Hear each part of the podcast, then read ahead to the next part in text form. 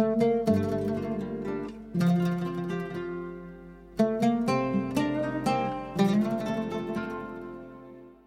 شك إن الجميع مفتقر لرحمة ربنا سبحانه وتعالى. ورحمة ربنا هي اللي هتنجينا ومن غيرها لا ينفع عمل ولا ينجي مقام. وهو ده لسان الحقيقة. لكن لسان الشريعة بيقول لنا اختار مقامك في الآخرة بحسب ما عشت عليه في الدنيا. مئات الآيات والأحاديث المتحدثة عن مصير الطيبين ومصير أصحاب الإيذاء والظالمين. وكل واحد يختار مكانه في الآخرة بحسب اختيار مكانه في الدنيا. فزي ما في سبعه يظلهم الله في ظله يوم لا ظل إلا ظله في برضه ثلاثة لا يكلمهم الله يوم القيامة ولا ينظر إليهم ولا يزكيهم ولهم عذاب أليم.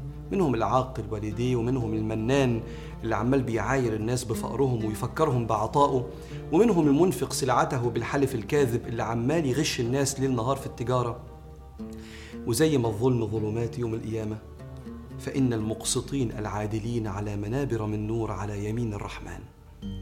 وزي ما أهل الكراهية والإيذاء والبذاءة هم المفلسون يوم القيامة زي ما ربنا هينادي أين المتحابين في جلالي؟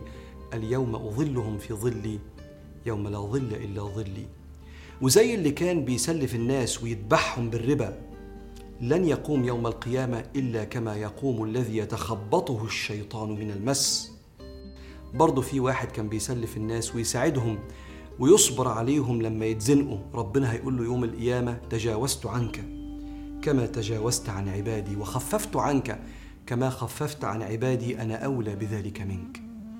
وكأن ربنا سبحانه وتعالى بيقول لك اختار مكانك في الدنيا اللي هيوصلك لمصيرك في الآخرة إلا من رحم الله. ويقولها واضحة في القرآن كذا مرة. بسم الله الرحمن الرحيم. أم حسب الذين اجترحوا السيئات أن نجعلهم كالذين آمنوا وعملوا الصالحات سواء محياهم ومماتهم ساء ما يحكمون. دي فكرة سيئة إنك تفتكر الناس الصالحين زي الناس الظالمين. وقالها مرة تانية أفمن كان مؤمنا؟ كمن كان فاسقا لا يستوون. وقالها مرة ثالثة أم نجعل الذين آمنوا وعملوا الصالحات كالمفسدين في الأرض أم نجعل المتقين كالفجار؟ وكأن ربنا بينفي الفكرة من أذهاننا. اختار مصيرك في الآخرة بطريقة عيشتك في الدنيا والاختيار عندك. هل هيغلب خيرك على شرك وتدور على مرضاة ربنا بالذات؟ في الفروض واجتناب كبائر الذنوب. وكأن ربنا بيفكرك دلوقتي راجع نفسك في أساسيات دينك. هل علاقتك بالله شيء هامشي ملوش قيمة؟ يصنف في حياتك مرتبة تالتة بعد مزاجي والشلة بتاعتي واللي بيفرضوا عليا ال lifestyle اللي أنا عايز أعيشه؟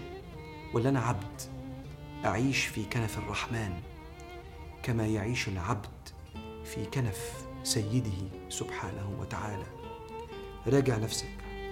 وتأكد إن ربك بيحبك وأبوابه مفتوحة لمن تاب وآمن وعمل عملا صالحا. بسم الله الرحمن الرحيم. والله يدعو إلى دار السلام ويهدي من يشاء إلى صراط مستقيم. فاللهم اجعل حياتنا لك ومماتنا لك وابعثنا يوم القيامة في زمرة أحبابك.